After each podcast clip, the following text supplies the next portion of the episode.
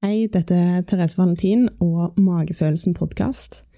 I dag så har jeg en litt sånn personlig episode på gang, fordi at jeg satt og skulle redigere neste episode, som handler om eh, relasjoner og parterapi og en del psykologi rundt det. Og så skal jeg innrømme at jeg, jeg har kvidd meg veldig for å redigere denne episoden, fordi at den har plutselig blitt veldig personlig. um, jeg hadde en ganske kjip påske, um, hvor kjæresten min flytta ut.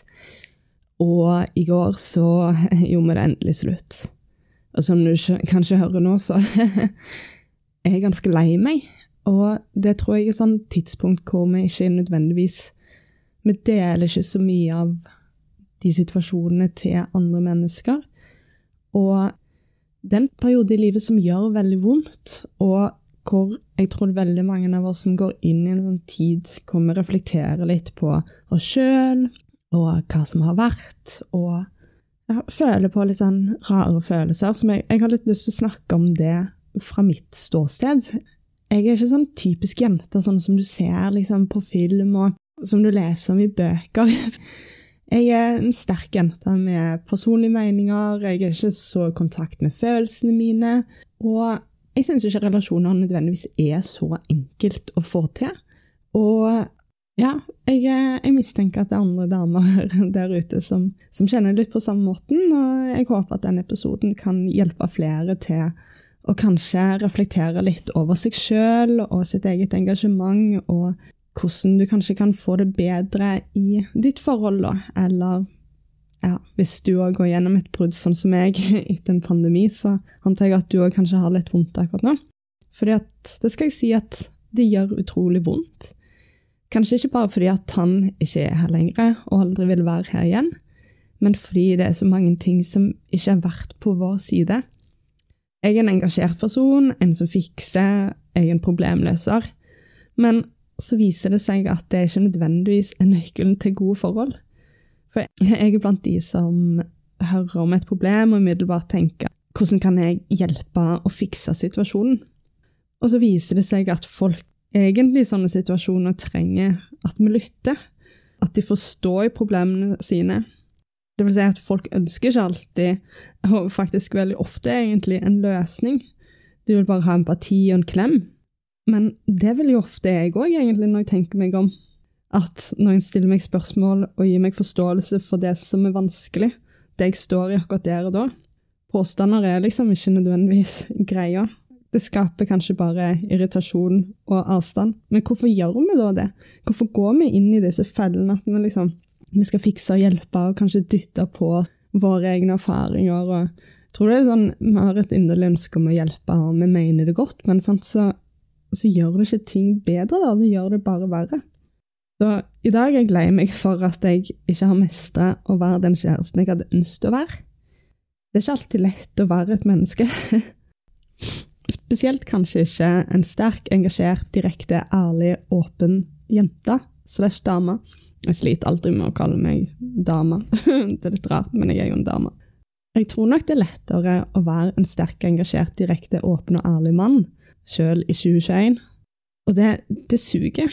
Men sånn er det nok. Jeg tror nok vi sterke damer sliter litt med å finne vår plass i relasjoner, for jeg tror ikke det er alle menn som Jeg tror egentlig de fleste menn kanskje ikke takler det så bra da, når vi tar så stor plass. Og så jeg tror nok at det er mange damer som på arbeidsplassen opplever at de må liksom kjempe litt om plassen, og så ender det opp med å ta litt for stor plass i forholdet, at det blir en kamp der òg litt sånn kvinnefrigjøring, likestillingskamp, som jeg tror det er mange som står i akkurat nå, som, som kan skape litt konflikt. da.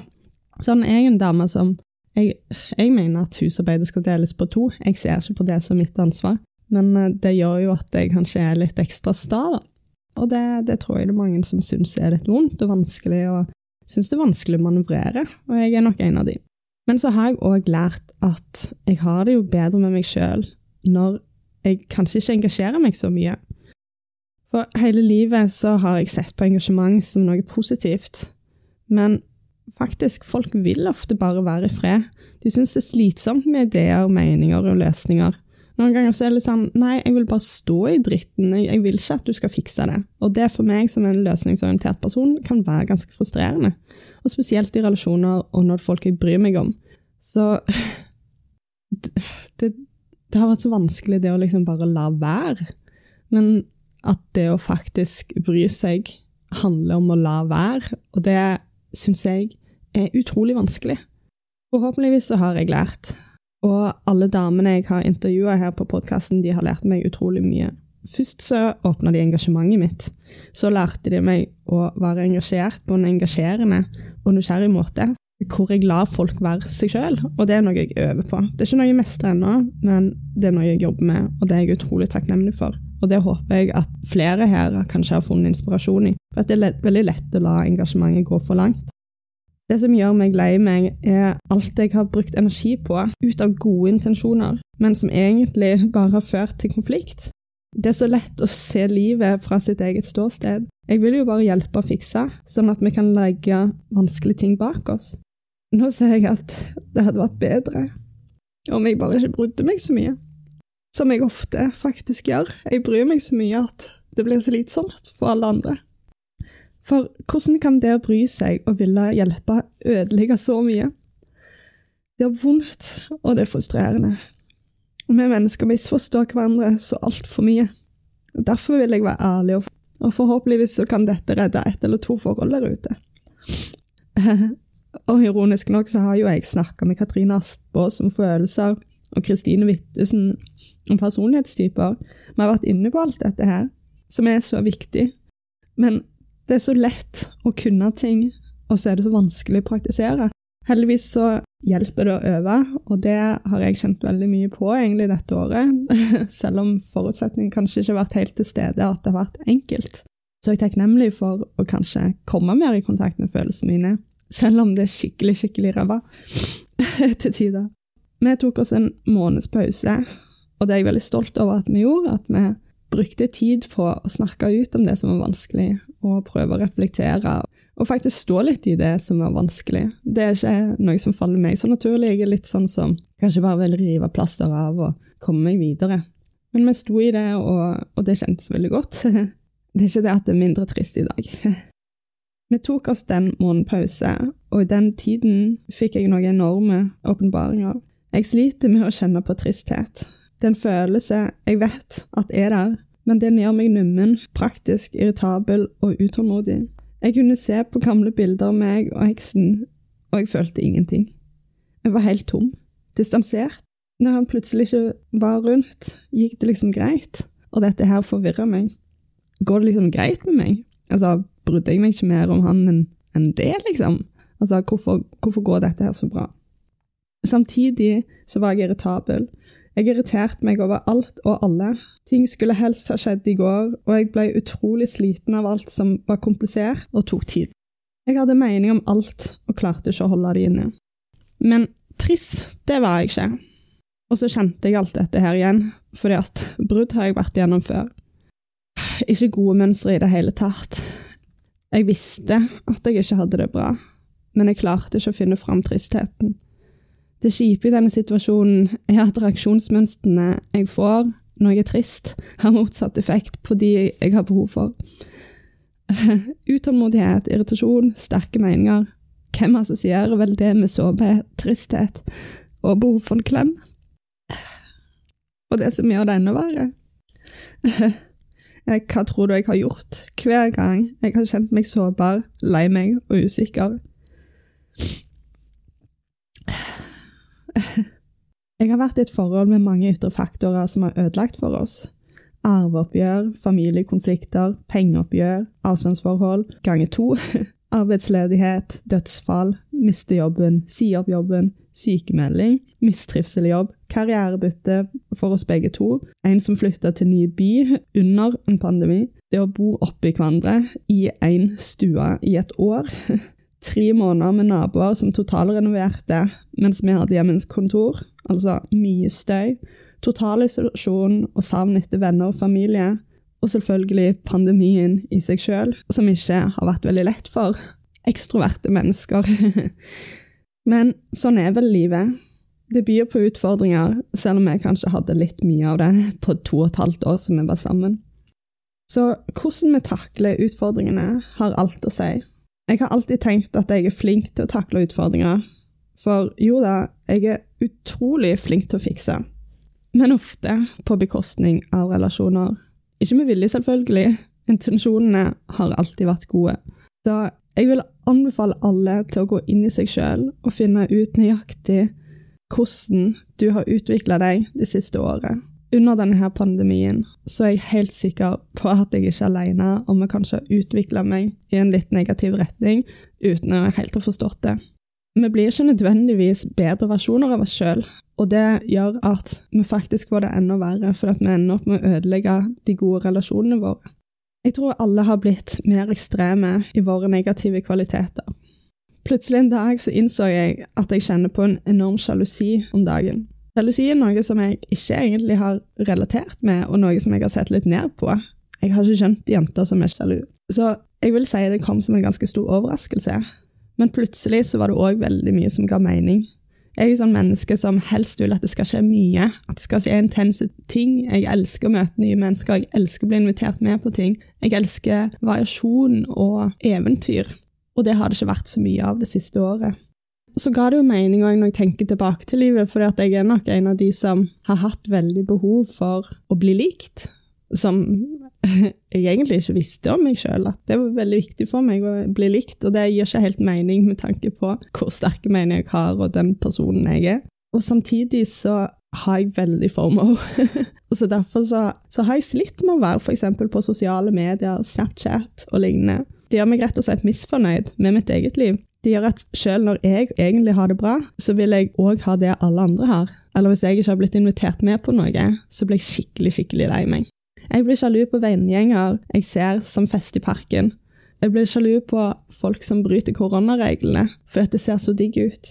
Jeg blir sjalu på vennegjenger som møtes i skogen og har en fest der, eller bare møtes og drikker øl. Jeg blir sjalu på folk som har hytte, folk som bor ved sjøen, venner av meg som er sprudlende og glade på tidspunkt hvor jeg kanskje er litt sliten og ikke finner helt sprudelen i meg sjøl. Jeg blir sjalu på kollegaer som kanskje får oppgaver som jeg kanskje ville hatt. Jeg vet ikke om jeg ville hatt de, men kanskje. På mennesker med morsomme hobbyer, eller som har rutiner som jeg hadde ønsket at jeg òg fikk til. Jeg blir sjalu på alle de som har klart å trene gjennom korona, og som ikke har blitt tiltaksløse i denne her tida. Jeg blir sjalu på folk som har stabile og enkle forhold, på de som har en kropp som bare funker. Jeg blir sjalu på alle i toppidretten som har kunnet fortsette å trene og reise gjennom pandemien. Lista er lang. Og sjarmerende, det er det absolutt ikke. Sjalusien den krøyp inn og tok over mange områder i livet mitt. Jeg er helt sikker på at jeg ikke er alene. Det har jeg faktisk snakket med folk òg om, men jeg tror nok hos meg så har det definert mye. Og jeg er utrolig glad for at jeg fant ut av det, for jeg ønsker ikke å være et sånt type menneske. Det som er fint med å innse våre svake sider, er jo at reaksjonene og handlingsmønstrene blir lettere å forstå. De blir lettere å kommunisere til folk rundt, sånn at de forstår hva som egentlig skjer inni deg. Og så gjør det det jo mye lettere å kanskje få den hjelpa som vi trenger, sånn at folk forstår at du ikke er egentlig er irritabel, utålmodig, men at du er lei deg. Så til alle dere der ute, ta vare på hverandre. Lytt det er vanskelig, og kanskje spesielt når du har det litt kjipt, men virkelig, bare lytt. Hold kjeft. Se hverandres innsats. Det er så lett å se hva folk ikke gjør, og glemme hva de faktisk gjør. Det merker du veldig fort når de ikke er der. Å være raus og se inn i dere sjøl før dere skylder på alle andre og alt annet.